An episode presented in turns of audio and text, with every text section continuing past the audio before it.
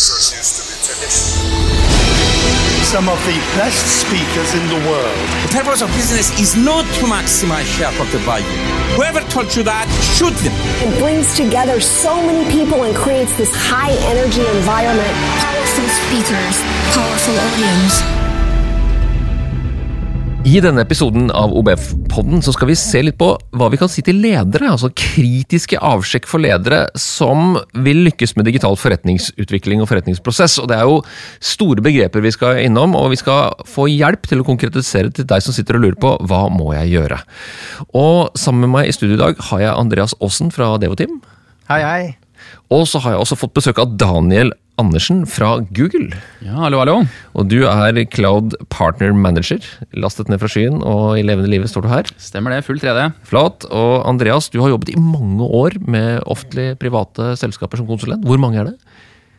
Som konsulent 13 år, kanskje. Eh, Men jeg har jobbet eh, i bransjen i 25 pluss eh, år. Så du har lang erfaring med denne transformasjonen som Ja. du da egentlig har vært med på helt fra starten av yrkeslivet ditt. Ja, det kan man si. Ja. Er den veldig annerledes nå enn når du startet? Eh, Ja, det, det som er annerledes nå, er eh, dette med mm, alt dette snakket om digitalisering. Eh, Det er jo Før så snakket man om IT og, og om ting på en annen måte. da. Men det, det er mange nye ting som, som er helt annerledes nå. Jeg, da jeg startet, så jeg, jobbet jeg med programmering og utvikling. Og systemutvikling, og nå jobber jeg med på forretningssiden. Altså det er også, så jeg er i, annen, i en annen verden også, da. Du rådgir Og rådgir. ja. og veileder. Og veileder. Og trøster kanskje litt noen ganger òg. Ja, det hender. Eh, litt yngre utgave på andre siden av bordet. Hvordan ser eh, verdensbildet ut fra Google? Nei, du, Det er jo veldig spennende. da. Vi uh, snakker mye om denne skyen, da, uh, som er det jeg jobber med, og teknologi. Uh, det har jo skjedd utrolig mye spennende den siste tiden, og kanskje enda mer i det løpet av de siste to årene. Men pandemien har jo virkelig, tror jeg, propellert teknologi framover for alle som satt og lurte på om dette var noe de skulle kanskje ta inn over seg. Det har de nok nå fått påtvunget. med alt fra hybride måter å jobbe på til uh, tøffere krav uh, på hva forbrukere og bedrifter forventer seg hva teknologi kan være. Så veldig veldig spennende å følge med på den retningen ting går i nå. da. Absolutt. Og For å styre samtalen litt, så har jeg fått et lite manus av dere. og Vi skal begynne med noe som kanskje for mange høres litt kjedelig ut. og for Jeg ble litt overrasket når jeg hørte om at vi skulle begynne på sånn kvalitetsindikatorer for eh, samling av nuller og enere. Og Hva snakker vi om da? Første tips til ledere, det er Første tips til ledere det er også øh, å, å spørre øh, de rundt deg har vi orden på datakvalitet. Og hva legger du i det? Og det jeg legger i det, har vi, vet vi øh, hvem kundene våre er? Vet vi hvem leverandørene våre er? Vet vi, Har vi produkt, produktbeskrivelsene våre? Er de, er de beskrevet? Er alle liksom, materiallistene i produktene enty, entydig beskrevet?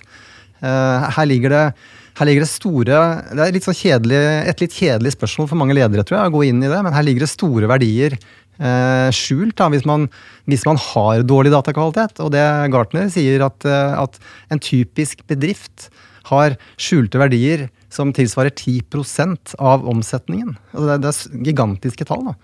Eh, og hvis man kan ta dette, noe av dette ut på bunnlinjen, så tror jeg i hvert fall de fleste økonomisjefer vil bli veldig fornøyd.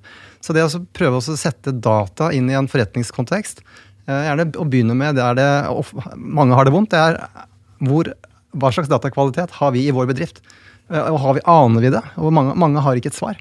Men begynne litt i den enden, det, det vil jeg si eh, er, er smart.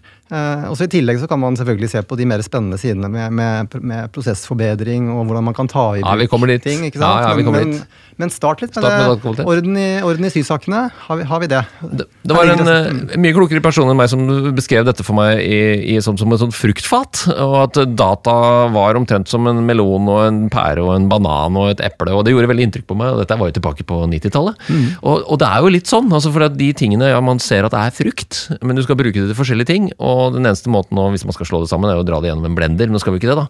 Men, men er det litt riktig bilde? Det er, det er et veldig godt bilde, syns jeg. Fordi at eh, da, Måten man behandler data på i, i dag, er akkurat den samme som det man gjorde for 10 år siden, for 20 år siden, 30 år siden. Det er at data blir til der den blir skapt, der den blir utviklet, i den avdelingen den blir utviklet, for det formålet den blir utviklet, i den programvaren den skal være, og der den skal bo. Eh, men den er ikke laget for å deles. Så dette fruktfatet, det, det, det skal spises eh, der, der hvor, det, hvor det hører hjemme, og eplet skal spises der.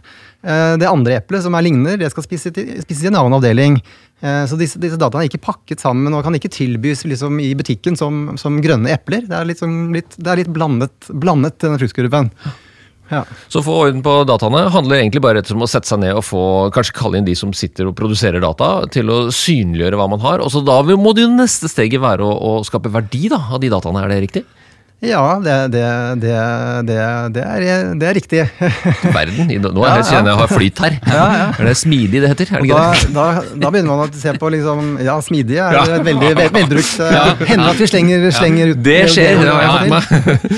Um, Men for at vi ikke sporer helt av, da, den der Ja. kvaliteten på de dataene. Ja. Vi, vi kan jo høre litt med Daniel her også. Når, når dere snakker om kvalitet i dataer, er det gitt? Eller er det det som Andreas nå snakker om, en litt sånn trøblete materie som, hvor, hvor kunder og andre trenger hjelp?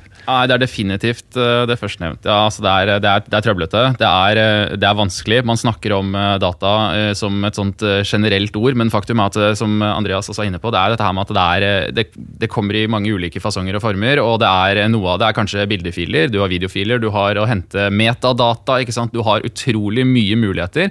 Um, men jeg tror at sånn, i forhold til dette her, som du nevnte, da, med på en måte sånn avsjekk og et spørsmål vi stiller ledelsen, så er jo selvfølgelig hva skal du bruke dette til? Um, det er mange illustrasjoner som jeg tror det er viktig å, å, å på en måte bryte ned. Den fruktkurvanalogien er jo veldig god, for jeg tror det er en god måte å, å illustrere dette her om at eh, ja, data er kjempeflott, og du kan sikkert monetisere og jobbe mye, og det kan gi nye revenue streams, men allikevel, eh, mye data kan også bli mye forvirring. Eh, og, der ser vi også at veldig mange er i gang med så, ja, vi skal hente inn all data vi har, ikke sant? og så vet vi ikke om vi måler epler til epler engang. Det er noe epler og noe appelsiner og noe meloner, eh, og så vet vi ikke hva vi skal med det engang. Og så ansetter vi masse mennesker som sitter og kverner på dette her, og analyserer og styrer og holder på, og så spør til slutt den lederen ja du, denne 10 av denne verdien, du, kommer den nå, eller? Eh, For nå skal vi rapportere dette her. Jo, nei, du, den, eh, den har vi ikke funnet helt ennå, da, ikke sant? Og det er tror jeg, noe som man må snakke tidlig om med dette med data. Hva, det skal jo løse et forretningsproblem. For eh, jeg bruker analogien med dette med eh, ikke sant? Alle, går, alle nå, i hvert fall i Norge, går rundt med en eh, sånn klokke på hånda fra Garmin. ikke sant? Og henter jo inn du har løpsdata og ikke sant? kanskje gjør opp dette på Strava. og sånt nå. Men bruker du det egentlig? Eller samler du bare masse masse data som du aldri ser på? Det er strukturert, ja. Du kan måle det, ja. Men hva, hva, hva er egentlig, hva er verdien av dette her, da? Og det tror jeg er noe som mange ledere også bør tørre å stille seg. Det, det, er- det er, du er inne på noe som er, det er kjempeviktig. Det er hva er det du skal bruke dataene til. Altså Sette disse dataene inn i en forretningskontekst. Yes. Altså hvilke, hvilke, hvilke drivere er det forretningen eh, har? Eh, Er de, er de kunderettet? Er de helt avhengig av kundeinformasjon?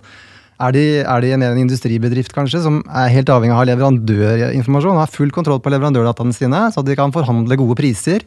At de vet akkurat hvilke produkter de har kjøpt av denne leverandøren? Eh, Eller er det mer en produksjonsbedrift som må ha stålkontroll på produktet? Og det, det, det, det må man forstå før man går inn og, og så, Hvis ikke så blir jobben altfor stor. Ja. Ja, for det er så enormt, sånn som du sier, Daniel, at det er så enormt mange, mye data. Så det å begynne å avgrense, forstå hvilke data er kritiske for min, for min virksomhet, for å nå mine mål, det er kjempeviktig. Mm. Og det, det flotte nå med, altså Vi kommer jo forhåpentligvis til litt senere, men med teknologi da, det er det at det å komme i gang har jo aldri vært enklere. ikke sant? Du har nå eh, produkter og tjenester som lever i skyen, da, som nå er tilgjengelig. Det er ikke omtrent noe du må En komplisert innkjøpsprosess. Eh, så det er ikke nødvendigvis teknologien det står på heller, men det er jo rett og slett dette her med at vi må starte konkret og use case-messig. Vi skal løse et forretningsmessig problem. La oss være eh, smidig, sånn har jeg sagt to ganger. Eh, eh, sånn at vi kan se om vi faktisk kan verifisere et business case før vi går i gang med denne kanskje mange store organisasjoner, svulstige sånn digitaliseringspraten. Og så blir de ansatte, fordi de kommer jo på jobb. som de alltid har gjort, eh, og bruker de kanskje samme verktøyene de alltid har gjort. Og så blir denne visjonen den blir litt borte. da. Men hva skal vi egentlig gjøre nå? For nå har vi da mye av dataene. Hva nå? Og da kan det fort bli langt fra ledelse og ned til de som skal jobbe med dataene. Da. Det er veldig s- i det, gren, I det gapet der, der, der bor og lever jeg, da. Jeg skal, jeg skal legge til et eh, tilleggsspørsmål som jeg vet ikke om det er så lett å svare på. for at Jeg er jo heldig å få prate med mange forskjellige næringsdrivende og ledere og, og, og eksperter som dere. Og det slår meg jo noen ganger at, Er det slik at ledelse i seg selv kan deles litt opp i interessefelter? For det er klart En leder som har resultatoppnåelse som hovedfokus, vil fokusere på det. Mens en leder som har en mer sånn konkurranseperspektiv, at man skal profilere seg mot noen andre aktører i et sånn tre eller fem eller tiårsperspektiv, er det noe annet. Og for noen som driver med tjenester i det offentlige sektor, så er det ikke nødvendigvis at den der forretningsforståelsen kommer veldig høyt opp, eller at man er så interessert i det. Eh, differensierer dere i rådgivningen deres til disse ulike eh, kundene, og i så fall hvordan? Ja, til disse lederne, da? Ja, det er jo-? Ja, det er eh, i aller høyeste grad. Og det er jo noe som vi også må noen ganger også spille djevelens advokat. ikke sant? Dette her må spille tilbake til. altså Bare ta teknologidirektørrollen, som er en rolle jeg jobber veldig mye med. Um, det er jo blitt en ekstremt komplisert rolle. eh, Som eh, altså alltid har vært preget av innkjøp og dette med å få altså alt fra gode leverandøravtaler eh, til fornyelse av software og, og, og ikke så smidig leveransemodeller, eh, til nå å bli alt fra du skal ha ansvaret for datakvaliteten, du skal ha ansvaret for denne myriaden av programvare som alle utviklerne nå skal ha tilgang på. Så det at jeg må utfordre tilbake til også, er ledergruppen rigget for denne måten å jobbe med teknologi på? Fordi du kan jo fort ende opp med en teknologidirektør som har rett og slett eh, ikke eh, altså ansvaret eller kompetansen eller i det hele tatt muligheten til å oppnå suksess som det faktisk organisasjonen ønsker. da. Ja. Og Det er jo noe vi må spille tilbake til også. Og Det kommer vi tilbake til, det òg, faktisk. Hva er din kommentar på det? Med det der med perspektivet deres? Det er veldig forskjellig hvem man snakker med, om det er, eh, om det er markedssjefen eller om det er eh, teknologisjefen eller produktsjefen, eh, hva, hva, de, hva, de skal, hva de skal få til. Og, og det, det kan også være personlighet, altså om de er, om de er liksom langsiktige, om de er strategiske, eller om de er mer hands on og liker å få gjort ting fort. Så det, det er, si, tilnærmingen blir avhengig av situasjonen til forretningen og bedriften, og hvilke personer du, du jobber med. Da. Dette er jo, til slutt så er det jo mennesker som skal løse dette her. Sånn som vi har snakket om eh, ofte i alle sånne IT-prosjekter. det er All den derre- denne fremmedgjøringen, man bruker masse rare ord og sånn, men det er jo mennesker som skal løse dette her, og, og som må brenne for dette her. Så til slutt så blir dette men det kommer vi sikkert innom, innom eh, senere i samtalen, men til slutt så blir ofte dette et slags endringsprosjekt hvor alle, noen må være med og, og enige om å gjøre noe. eh, her også. Og her er jo noe som jeg eh, brenner veldig for, da, og, og, og mener er utrolig viktig for eh, moderne ledere. Og dette her med å gå foran som et godt eksempel også. Og dette her med, Man ser jo, altså, uten at man skal gå ned den stien der nå, men du ser jo på en måte hvordan moderne ledere for eh, store selskaper, uten at man skal hoppe ned i den, eh, det rabbit holet der, men sånn som Elon Musk og, og, på en måte denne nye generasjonen næringslivsledere, hvis man skal, kalle det det. da, men eh, dette her må gå foran med et eksempel eh, eh, for hva man ønsker at de ansatte skal jobbe med også. Og det ser vi også at vi må pushe norsk næringsliv litt på. Dette er med at Norske næringslivsledere må tørre å, hvis du skal inn i en digital transformasjon med hjelp av data, så må også ledergruppen være innforstått med at de må gå foran med gode eksempler. At, fordi det mennesker, det er det vi lytter til. Det er eksempler, eh, ikke bare visjon. Eh, Og det å da ha en ledergruppe som da kan konkretisere og finne en måte å si at ok, men her har vi i hvert fall startet med noen eksempler. Ledergruppen har gått fra å gjøre dette til dette. Og det har funket for oss, og det ønsker vi at organisasjonen skal bevege seg i retning av. Ja, Dette er veldig spennende, for nå snakker vi plutselig om autentisitet. Altså Det der å gjøre feil er jo helt opplagt når man går inn i nye områder og skal bruke ny teknologi eller prøve å sammenstille data, og så virker det ikke, og så skal man tilbake igjen og si at eh, sorry, vi prøvde, men vi fikk det ikke til. Og der er det jo mye frykt, ikke sant? Riktig. Man frykter å ikke lykkes, man frykter å ikke være flink nok, og man tror kanskje at man blir sett på som en dårligere leder fordi at man går inn i det rommet at oi, dette kan jeg ikke. Er ikke det riktig? Jo, det, det, det, det er riktig. Men hvis man samtidig var innom liksom forskjellige typer nærings, næringsledere, forskjellige typer bransjer Jeg bare å slå et bitte lite slag for offentlig sektor. Eh, at eh, Det er veldig mange tøffe ledere og ledergrupper eh, rundt omkring i Nav og Skatt og Vegdirektoratet som, som, som går foran og tar, tar dristige, dristige valg.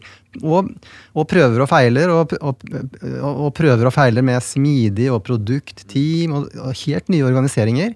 Eh, prøv, og, som, hvor de bruker dette med å lære underveis da, som, en, som en, liksom en del av en sånn kontinuerlig forbedringsutvikling av virksomheten. Eh, Så det har jo skjedd utrolige ting i offentlig sektor de siste ti årene, da. Som er helt fantastisk, syns jeg, da, å, være, å se på og være litt med på. Jeg er glad for at du sier det. Jeg har en bekjent i Skatteetaten som sier at det har skjedd mer de siste ti årene enn på de 100 foregående. Altså, Ja, ja, og, det, og det er jo det de gjør. ikke sant? Ja. Og, og takk og pris for det. Jeg jobber ikke i offentlig forvaltning, men jeg er jo glad for at de gjør det, for de lever jo av våre skattepenger. Så jo mindre penger de bruker på, på å sette strøm på gamle ting, jo bedre er det jo. Ja, Så takk for at du sier det, og minner oss på det, og lykke til med det. Og, det, vi, og vi trenger det jo! ja, ja det gjør vi jo. Og det er ikke sånn at Ledelse er ikke privat næringsliv sin fortreffelighet og sine exit-varianter, men det er vel så mye i offentlig sektor. Takk, det er bra du sier det. Eh, Fra, det er en kort vei fra det vi snakker om nå til kompetanse, er det ikke det? Altså Når hva Ja. er definert, Ja. så åpenbart er hvem. Ja, i aller høyeste grad.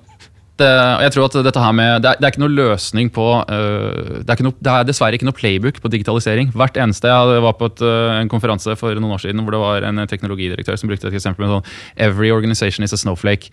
Uh, og, og du kan ikke kjøpe digitalisering. Det er dessverre ikke en ordrebok du kan gå inn og bestille. for det, er, eh, Du kan ha banker som er i samme sektor, men de, er jo bygd opp av mennesker, og mennesker er forskjellige. da.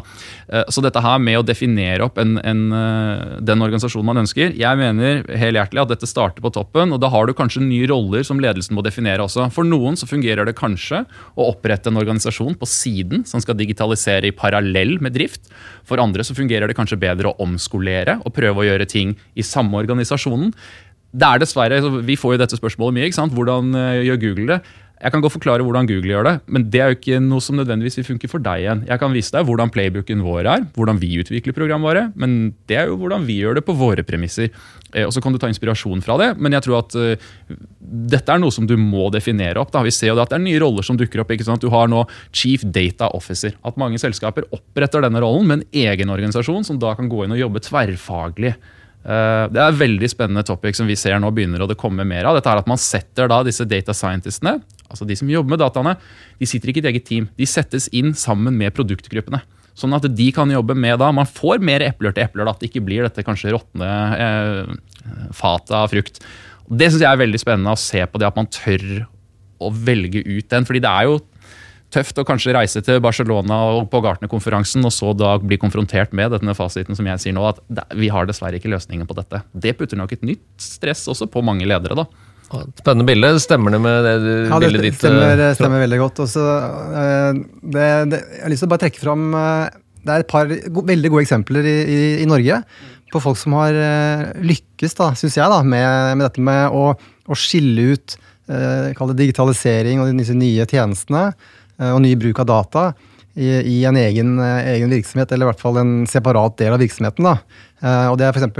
Yara eh, som kommer fra liksom, historisk, eh, tradisjonell eh, utvikle kunst, eh, kunstgjødsel. eh, og selge dette til, he til, he til hele verden. Eh, som, hvor det produktet kunstgjødsel er da det de, det de selger, eller solgte. Det de selger nå, det er eh, en tjeneste hvor de bruker De samler data fra satellitter og droner og jordprøver og alle mulige ting. Eh, og så, og så, så, selger de en, en tjeneste til ikke bare til disse store liksom, organisasjonene som de jobbet med før, men nå selger de til, til mindre farmers eh, over hele verden. Da, gjennom mobile applikasjoner. En tjeneste som gir deg bedre avling. Eh, gjennom liksom, analyse av værdata, jordsmonn, eh, fuktighet på jorden, alt mulig. Eh, så de har liksom snudd forretningen helt. Og, og, og, og organiserer nå sin forretning da, mot dette digitale. Så nå er plutselig kunden og det digitale er blitt det sentrale. Ikke det gamle på en måte, m- liksom, eh, kunstgjødselproduktet. Selvfølgelig er det der ennå, men, men det- det er snudd helt rundt. Og det syns jeg er helt utrolig med en, sånn, en så tradisjonell bedrift. At de, sånn, det gir håp for, for alle til at det er mulig å, å, å endre seg. Og da blir jo 1000 kroner spørsmålet ikke sikkert du kan svare på det. Hvem var det som gjorde det, da? Er det noe internt prosessuelt hos Yara som har bestemt at uh, her setter vi i gang, eller kom det utenfra og si at her må vi ansette noen 5, 10, 50, 100 stykker, og så gjør vi det? Jeg, jeg, jeg vet ikke eh, Jeg satt ikke på innsiden i Yara da det skjedde, men, men, eh, men det, dette har jo skjedd over, over lang tid. Så det er antageligvis noen ildsjeler som har hørt om og fattet interesse for dette med data og og det digitale, og sett noen muligheter. Eh, Og så har de jobbet det først, så jobbet de det med det som en del av den vanlige organisasjonen. Men etter, hvert så fikk det liksom en viss oppslutning, da. Og så valgte man å skille ut. Og det gjorde man ganske tidlig. Det er, det, det mener jeg er liksom syv-åtte år siden at det, at det skjedde. Har har den, men nå er, den, nå, nå er det den Nå er det den virksomheten som får mest oppmerksomhet i Yara, men det har vært en lang, en lang reise. Men akkurat hva som trigget det der, det, det er jeg faktisk ikke sikker på. Hva slags kompetanse trengs da? For å, hvis en eh, mindre bedrift enn Yara, da, med kanskje litt mindre ressurser enn det de har, det er ikke det noe viktig, men hva er det de trenger for å, å komme i gang, Andreas?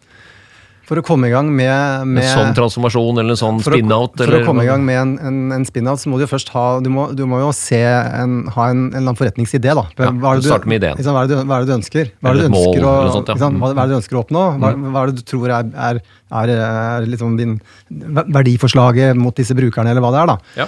Så starter ofte med sånn Ok, jeg skal gjøre noe for kunden min. eh, og hva, hva mer kan jeg gjøre for kunden min enn det vi gjør i dag?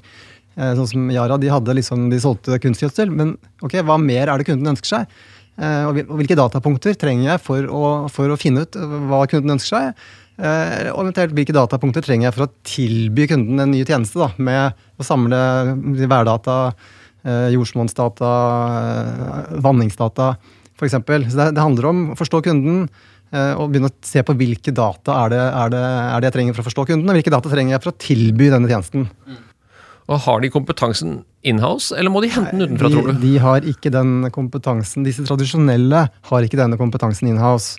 For de er ikke vant til å tenke på det. De, de er gode på, på produksjon av det, det de kunne. Eh, Så den, de, de, de, de gamle må nok hente dette ute. Eh, altså dette med å forstå hva, hva analytics, hva maskinlæring, hvilke verktøy, hvilke systemer må jeg ha, det, det har de ikke inne. Om ikke noe annet for å sette i gang prosessen. Og så kan man jo reskille de man allerede har, er det ikke det riktig? Det kan Som du, ja. viser interesse Men for noe, det. Må og få inn noe, noe må du ha for å komme i gang, og så kan man begynne med opplæringsprogrammer internt. og ja. Jeg, jeg tror definitivt eh, du er inne på noe. men Et eksempel som, eh, som eh, jeg har vært tett på de siste årene, da, det er så Cognite. som er jo opprettet under Aker Solutions-paraplyen. ikke sant? Og Det for meg er jo et sånn playbook på hvordan du skal opprette. Det er jo ingen benektelse at de har gjort noe riktig, nå med unicorn-status og, og hele pakka. Um, og, og der ser man jo at uh, altså du har en leder, altså da Kjell Inge, som går uh, og, ut og, da tenker at jeg må ha noen som, uh, som kan bygge selskap. Altså jeg tror når, når Jon Markus ble hentet inn for å starte det selskapet, så var det ikke hans fartstid i olje og gass eller offshorenæringen som gjorde han attraktiv for den rollen. Han var jo med å bygge Fast Search and Transfer, ikke sant. Solgte et Microsoft, unektelig kompetanse på selskapsbygning. Um, jeg tror den profilen, at moderne organisasjoner tør å gå ut og gjøre dette her, sette penger, skin in the game, det er helt eh, fundamentalt. Fikk jo med seg en eh, utrolig smart eh, altså person i, Geir, som inn, kom inn som CTO, også vært med å starte selskaper selv. ikke sant? Um, og så bygd dette A-laget. Eh, Det tror jeg, Som får, får lov til å operere uten denne matrisen og hierarkiet og kanskje prosessene eh, som definerer da kanskje Aker, ikke sant, med den, eh, det de jobber med. Det har vært ganske spennende å få lov til å følge med på eh, fra vår side og ha de som partner på teknologisiden. For der, der har det skjedd mye spennende på veldig kort tid. Ja, kan man jo både la seg inspirere og litt skremme, for at man får jo inntrykk av Du, du sier det selv, dette er jo A-laget, og det er toppspillere, og det er unicorn-status, og det er for alle som følger litt med på startup-scenen, vet jo at dette er jo, dette er jo det målet for mange. Og dessverre, faktisk, for det er ikke det de burde fokusere på. Synes jeg, ja. De burde skape verdi for kundene sine og, og oppdragsgiveren sin.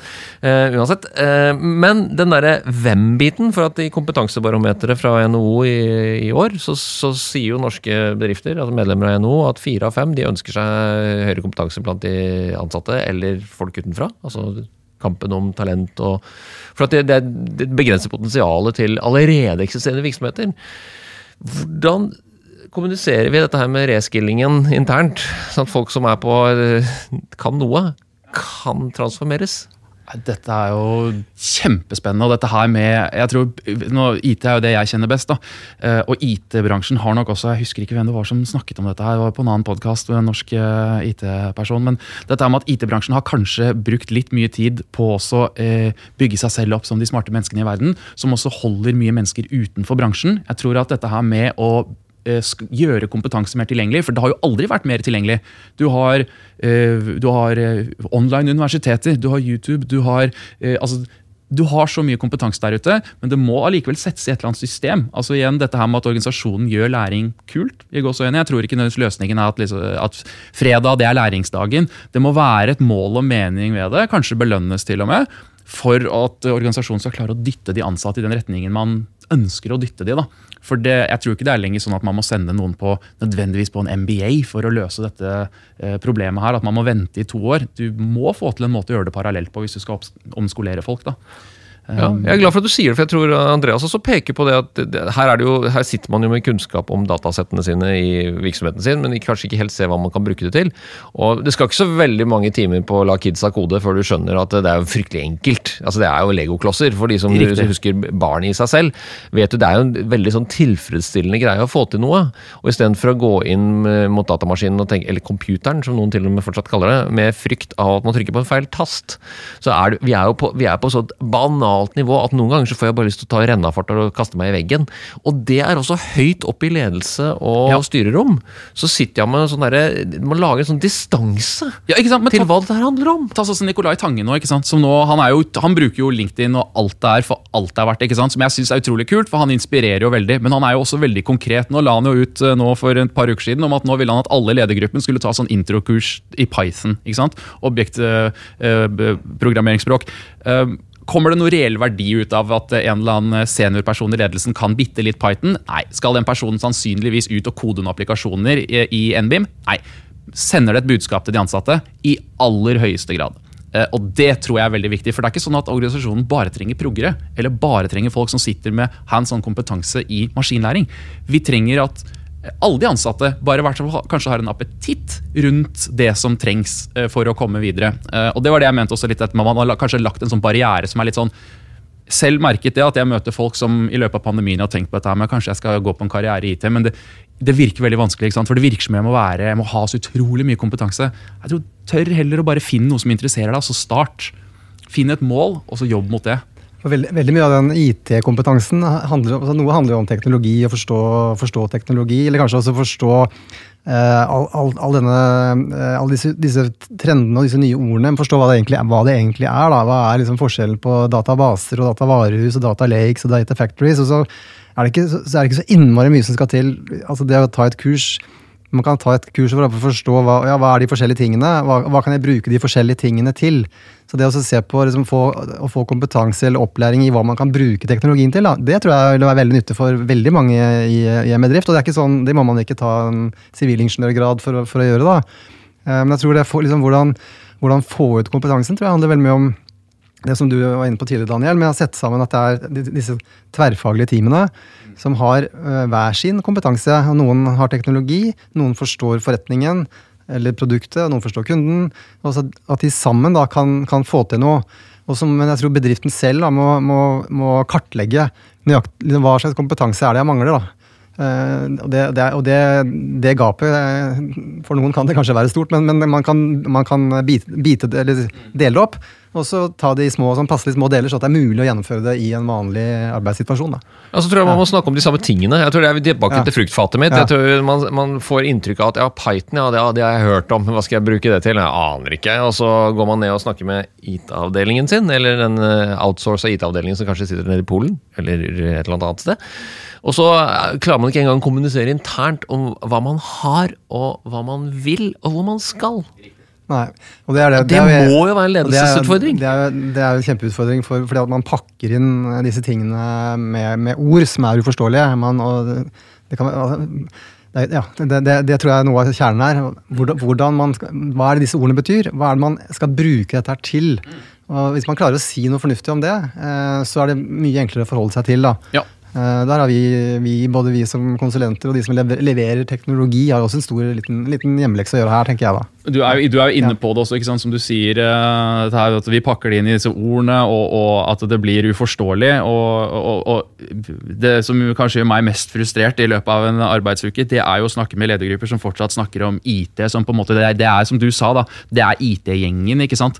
Um, altså IT er jo ikke en støttefunksjonalitet. Det er jo å se på alle selskaper, små, offentlige, store, hva enn det måtte være, organisasjoner som, som har stor suksess nå, de har jo klart å enable på en eller annen måte, kall det smidig, agile, hva enn det måtte være, kontinuerlig utvikling. Men de har klart å implementere denne kulturen inn i eksisterende organisasjoner, slik at de får en større hastighet, være seg å levere bedre produkter eller ha bedre data fordi de vet hva kundene faktisk ønsker seg. Og de, så de har ikke denne ledetiden som du Tor, sier om at de ah, ok, vi har et forretningsproblem, ah, må vi sende og går en e-post en IT-avdeling et eller annet sted, og så kommer den kanskje tilbake en eller annen gang. Og når den kommer tilbake, så skjønte de ikke hva du mente, eller de lagde løsningen opp ned. Ikke sant? Det, dette er jo dessverre en realitet for veldig veldig mange selskaper. Um, så det er jo klart at dette er tøft å, å, å løse, da. Så klar språk, snakk enkelt har jeg skrevet opp som tips nummer fire. Skal, jeg skal oppsummere, altså, slapp av. Eh, Men så, det er jo gøy, da, for at det neste tipset som dere foreslo, dere to i forkant, på e-post, som vi har eh, sparret på forkant her, var, er et eh, fremmedord, for meg i hvert fall. Tekniske kapabiliteter, mine herrer. Uff da. Ja, Har vi, har vi sagt det? ja, ja, ja, ja. Andreas, når du, når, men, men, men, men klart, i Det jeg- klar språk, hva Det betyr som, det? det, som jeg, det som jeg tenkte på da, eh, det var at i, i dette her med å få, få verdi ut av data, så må du ha noe teknologi. Det er noe verktøy, det er noen systemer som skal støtte deg. Et rammeverk, egentlig. Og det er et rammeverk, og det er, no, det er veldig mye god støtte å hente. Sånn at man slipper å, liksom, å bruke all mulig tid på å forstå alt mulig rart, for at verktøy gjør det for deg. da. Så innenfor, det, innenfor AI, analytics, eh, kunstig intelligens, data, så er det veldig mye å hente på verktøysiden. Og, og veldig mye å hente, vil, vil jeg påstå, også ved å gå i skyen. da. Så, så, så det er det jeg mente med Bare putte ett ord på det, så var det den IT-infrastrukturen, eller, eller tekniske kapabiliteter, som faktisk hjelper deg til å, til å få til dette her. I aller høyeste grad. Det, dette her med å være løsningsorientert og prøve å løse forretningsproblemer når det kommer til teknologibiten også. Nå skal vi ikke hoppe bukk over det heller. at mye teknologi er vanskelig. På et eller annet tidspunkt så må du ha noen som faktisk koder applikasjonen, eller som sitter og så finner innsikten i dataen. Og faktum er at, eh, som jeg sa, at eh, selv om barrieren til dette her er veldig lav nå, eh, så, er det fortsatt det er fortsatt tøft å bli ekstremt god i det. Det er et globalt marked. Det er veldig tøff konkurranse for å bli veldig veldig god, men samtidig så, så, så ser vi jo at de som klarer å komme langt eh, på dette her, de klarer å ta i bruk eksisterende teknologi som utvikler seg veldig kjapt. Du har nå skyen i form av at du kan ha eh, dataprosessering og lagring og tilgang på de, de smarteste maskinlæringsverktøyene. Eh, på en måte, De er der. Det er ikke en konkurransefordel noen eh, har eh, mer. Men igjen, denne teknologien er jo prisgitt menneskene som sitter og bruker det. Ja. Så dette maskinlærings-API, for eksempel, det det, sa- selv om det er det samme for alle, så er det jo utvikleren som sitter og kaller på dette API-et, som vil være flaskehalsen. Har du en utrolig dyktig utvikler, så kan denne ene personen flytte fjell. Har du en dårlig en, så er det klart at da kommer du kanskje ikke så langt, da. Det er kjempeviktig å understreke samtidig at dette med disse tekniske kapabilitetene, disse, disse løsningene, det er ikke der du begynner. Det er noen som tror at man kan kjøpe seg ut av dette med å, med å velge teknologi. Mm. Det kan du ikke. Du må, du, må, for du må faktisk forstå hva du skal bruke det til. Det er, det er virksomhetens eh, oppgave, og den, den kan du ikke hoppe bukk over. Nei. Så du, det er, virksomheten må stille krav til disse, disse tekniske kapabilitetene. Det, det er kjempeviktig, for det, det er mange som faktisk tror at det, det behøver jeg faktisk ikke gjøre. Mm. Eh, Jeg kan ta, dere er gode på å dele eksempler. Jeg kan også dele et eksempel med min Jeg jobbet i mange år på høyere utdanning, og der hadde vi SharePoint. og SharePoint-teknologi er helt genial til å, til, å, til å tilgjengeliggjøre data til en bruker som er identifisert ved du logger deg på. Fikk aldri til å bruke det. Uh, fordi at det var et annet ERP-system som, som ikke snakket med den SharePoint-teknologien. Så vi hadde bare kjøpt en hel svær Microsoft-pakke som vi aldri fikk brukt. Eh, men det var ikke det det skulle handle om, fordi at den tilgjengeliggjøringen og den, de datasystemene og den kvalitetsforståelsen henger jo sammen. Men nå kommer vi til mitt favorittema, mine herrer, og det er motstand. Ja, for at når man kommer med gode ideer, og som konsulenter og andre sånne menings... Altså Man mener jo godt, og man vil inspirere folk og påvirke folk, og så kanskje leading by example kan føre til at du leder folk inn i ulike. og For man blir jo fort litt frustrert. Og kanskje hvis man har levd noen år i en eh, arbeidsplass, eller har vært i arbeidslivet noen år, så, så begynner man å kjenne igjen litt sånn lusa på gangen. Ja. Det er, Hvem vil begynne? Ah, ja, vi, vi, det er klart at det er jo noe vi, det er jo en, eh, noe vi møter uh, daglig. For Ta det, på lederhatten nå, vet du, så vi skal gi råd til ledere Ja. som møter motstand Ja. internt i Ja, sin egen organisasjon. Hva Jo. sier vi til dem? Ja, men dette her må, med, med, litt tilbake til vi snakket om i stad, altså, dette her må prøve å komme til en sånn uh, å feile, fail often, fail fast. Uh, sånn at du kan enable en kultur som eh, gjør at det å feile er kanskje ikke noe som man gjør én gang hvert tredje år, og som er en katastrofe og forsiden av VG, og da ledere som mister jobben. Utarbeide en slik kultur ved at man kommer til en mer sånn, altså det man kaller psychological safety på jobben. og det, igjen artikulere dette på toppen. Um, for å på en måte minimere sjansen for motstand. For det er lettere å få motstand på et lite prosjekt som skal løse noe som emulerer et stort prosjekt, enn å skulle gå inn som leder og si at nei, men nå skal vi transformere hele organisasjonen. Hvis det da feiler, og det er en prislapp på mange mange millioner, så er det klart at det setter også en presedens til hvis den lederen går, så kommer ikke neste leder inn og tenker du, jeg skal feile enda større. Eh, Det, det, det sender jo på en måte en presedens om at det er kanskje tryggere å fortsette å gjøre det vi alltid har gjort. Og, og altså, klok av skade fra, eller ikke klok av skade, Erfaringen fra pandemien har jo vist oss at ledere kan være veldig menneskelige, og de kan Riktig. definitivt være klønete når det gjelder både deling av data, eh, skjerm og andre ting. Ja. Så den derre feilbarligheten vi snakker om nå, Ja. den er ikke så farlig. Nei, helt riktig, og jeg synes også det er utrolig spennende dette med at eh, Ser du skjermen min? Det er klart det er like vanskelig for alle. Det er, det er ingen, jeg har ikke vært i ett online-møte, være seg Zoom eller Teams eller Meet eller hva enn det måtte være, som har vært sånn knirkefritt fra start til slutt. Det bare er det ikke. Eh, Men om det er leder eller junior ehm, Det å bare få denne kulturen mer på plass, tror jeg, det har også gjort at man også ser sånn at ja, men ledere er mennesker, de òg. De, de kan feile på disse tingene, her, de også. Eh, Så, så jeg tror det er mye, mye, mye power i dette her også. da. Det er Veldig godt poeng du har der. Takk, takk. Er dette, er jo, dette er jo noe av det vanskeligste, syns jeg alltid. Det er dette med hvordan, hvordan møte motstand, eller hvordan sette i gang ting, eller hvordan få nok kraft i en ting. Eh, men er det, jeg synes det er liksom tilbake til det klassiske, at man må liksom være enig på et eller annet vis om eh, at man får en verdi ut av dette. Eh, man, eller i hvert fall at man kanskje være enig om at man har et problem. Da kan heller samle seg om problemet, da, hvis man ikke klarer å samle seg om målet. Mm. Jo, er, vi erkjenner at vi har et problem. Og så får vi snakke litt om det, og så se litt på hva, hva betyr dette problemet for, for deg, Daniel, og for deg, Tor. Hvordan oppstår dette? Hvordan, hvordan påvirker dette deg? Og så når man begynner å ta i det, så da begynner man å kjenne at det, kanskje man har lyst til å løse det. da.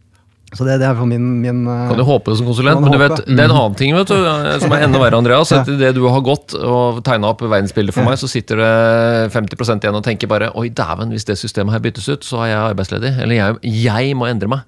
For at jeg har hele rollen min beskrevet til, og arbeidsoppgavene mine knyttet til det systemet. Og nå kommer Andreas, og han vil bytte det ut med noe som ligger i skyen. Det vil jeg ikke. Så det som skjer da, man mobiliserer en masse sånn eh, motstand. Eh, og, og det er ikke sikkert du merker engang, særlig som konsulent. Jeg har vært det selv, så jeg vet jo hvor vanskelig det er å lese av intern kultur og motstand mot endring. Lederen kan jo være championen din og ville dette. De som skal gjennomføre det, mm, ikke så sikker. Så hvordan kan vi hjelpe lederen, da? Nei, det er, Nå skulle dere sett det her. Nå er det, nå er det ingen som vil ta ordet. den, den som har svaret der, blir, blir veldig, veldig rik. Blir rik, faktisk. Ja, ja. Eller ha det veldig gøy. Eller han velger, ja, Ja, ja. og Mange fine oppdrag. Ja.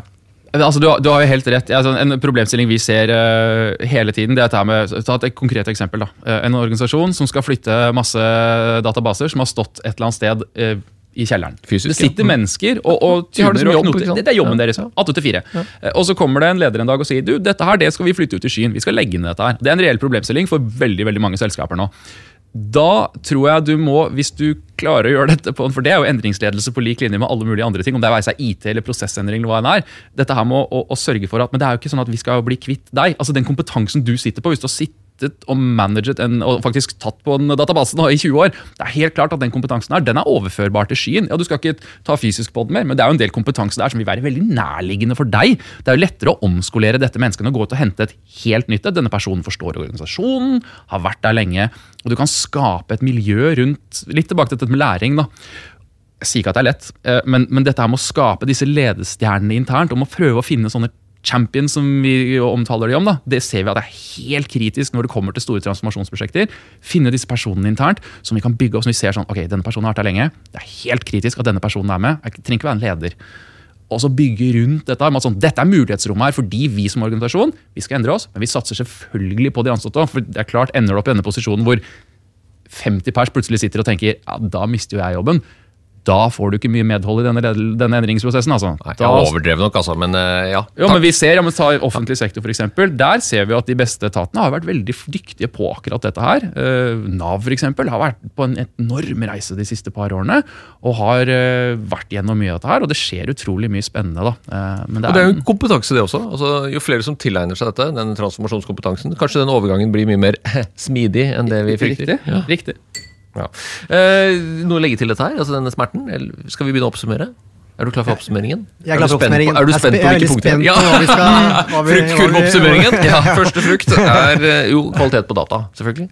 Det er første avskikket. Og, det, og husk på det, du som nå er leder, du kan godt hende hadde gjennomskuet dette for lenge siden, og det er jo en fryktelig uriaspost det å være leder. For lederen skal jo både forstå alt og samtidig ta beslutninger, og være best likt av alle sammen, helst. Ellers blir det dårlig stemning. Men eh, kvalitet på data, det, det, det kommer vi ikke unna. det er. Det, det er vi enige om. Det neste var veldig gøyalt, for da kommer vi jo fram til hva er det du, altså hva du skal løse. Hvilket problem for kunden din er det du velger? Det vi ikke snakket om, eh, var jo Bør man ikke bare prioritere én om gangen? Altså Ett problem må løses. Jeg har sett noen ganger at, at det kan gli litt ut i at man har Ja. veldig store ja, ambisjoner, og det blir kanskje litt for svært. Helt klart. Men hvis man har ett fokus, løs det først, og så kanskje neste. Jo, i hvert fall, i hvert fall være veldig avgrenset. Om det er ett eller Jeg skal ikke si om det er ett eller to, men ett er fint. Ja, og bra. tydelig på det. Ikke sant? Og så det neste, det, det tredje. altså Da har vi datakvalitet, og så har vi hvilket problem er det du skal løse. altså hva? Og så kommer vi til hvem, altså hvilken kompetanse. Mm. Og der var vi ikke helt entydige på om transformere eksisterende kompetanse, type reskilling eller upskilling. Som, som er, jeg går helt i surr i disse begrepene. Kan ikke bare kalle det Lage insentivprogrammer, som du sa. Det var kjempefint. Riktig. Belønn de som faktisk vil, Ja. og forsterk det internt. Ja, Du får det du måler. Ja. I, det har du alltid gjort. Og det, ja, rart med det, men det tror jeg du vil fortsette å få også. Har du noen konkrete det, det, Nå var det rett på sparket. Er det noen som har gjort dette, som du kjenner til? Som har liksom belønnet de som eh, tar på steget fra noe til noe annet?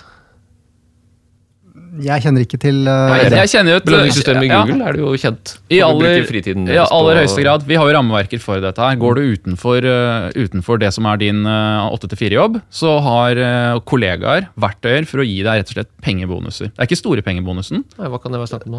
Eh, snakk om eh, lite, altså hundrelapper på en måte. Så en halvliter, typ? Eh, Riktig, men, men, men det handler ikke om pengene. Det handler om budskapet du sender. Det går ut en e-post som er veldig kul, med noen varme ord eh, som belønner deg. Og det i tillegg, man har jo eh, ikke sant, Du har promosjonssystemer, og du vil opp, øh, klatre på karrierestigen. Alt dette bidrar til at du er en teamplayer. Og så likte jeg veldig godt eksempelet ditt, Andreas, fra Yara. Så det var veldig bra at vi fikk fram, for det, jo det må jeg lese meg opp på. Det kjente jeg ble veldig glad av. Uh, og så må vi, og punkt fire, ledere, snakk enkelt. Sørg for å ha fokus på kommunikasjonen, og at den går begge veier. Eh, og det, det kan man jo gjenta til det Ja. kjedsommelige, men ikke sant? Man husk på Veldig at eh, er, er det forstått, Andreas? Skjønt du hva jeg sa, Daniel? Gi meg gjerne en tilbakemelding på hva, hva du ikke forsto. Ja. Et relevant eksempel her som knytter tilbake til punkt 1, som jeg bare sånn tenkte sånn, jeg må nevne, for det er så utrolig kult, synes jeg, det er dette her med rundt data. Altså Spotify, eh, nå er ikke de en gammel, tradisjonell eh, organisasjon, men de har til og med utviklet et eget rammeverk for å sørge for at de snakker samme språk. Søk det opp, ligger åpent på nettet. DIB. Data, Insight, Belief, Bet. Sånn at de hele tiden vet at de snakker Alle forstår hva vi snakker om, ikke sant? Fint, da går vi videre. Utrolig kult konsept. Tilgjengelighet har jeg som nummer fem. Det å, og det er jo tilgjengelighet til sky. altså type, tenke på den, Der må kvaliteten være med, selvfølgelig. og det er jo, på- Dette er jo min omskriving av ditt flotte kapabilitetsbegrep, eh, Andreas. Veldig bra, Du, du er. IT-mann, jeg er historiker. Det er det som er forskjellen. Men, men tilgjengelighet for brukere, eventuelt partnere eller kunder. Ja. Tilgjengelig, og de må forstå hva det, det, det er ikke så lett med. Det er ikke, skal ikke bare være aksesserbart, men man må forstå hva den dataen er. Ja. Jeg tror mm. Daniel nevnte noe med metadata. altså Noe med å for- putte data i en kontekst som gjør at jeg forstår hva det er for noe. Så det, det er en del av det tilgjengeligheten.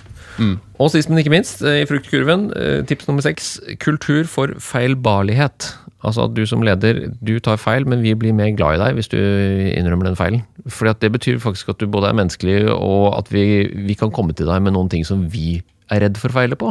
Altså som ansatt, da. Er ikke Ja. det riktig? Jo. Det er ikke verre enn det. Nei det, nei, det er rart med det, men det er enkel psykologi sånn sett. Men eh, det, det, det, vi ser at det når langt, da. En liten sånn side av det, det er, det er også det å kunne øh, stole på øh, dataene når de tar beslutning. Eh, Det er også en stor sånn, en sånn kulturell endring.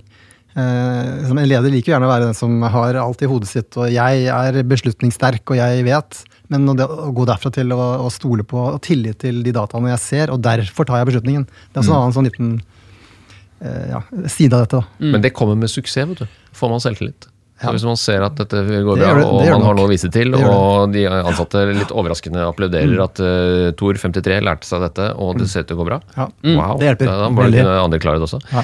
Nei, Dette var helt strålende, og for deg som nå har lurt på hvilken- fruktkurvmetafor, for du har ikke fulgt godt nok med, og hvilke seks eh, anbefalinger vi har til deg som leder, da må du jo starte på nytt igjen. Mm. Vi har hatt en herlig samtale. Tusen takk, eh, Andreas og Daniel, for, for eh, denne praten. Takk for Takk, invitasjonen. takk skal du ha. Hvis du likte denne podkasten, hadde vi satt utrolig stor pris på om du abonnerte og gir oss en tilbakemelding i avspilleren. This is the tradition. Some of the best speakers in the world. The purpose of business is not to maximize shareholder value. Whoever told you that, shoot them. It brings together so many people and creates this high energy environment. Powerful speakers, powerful audience.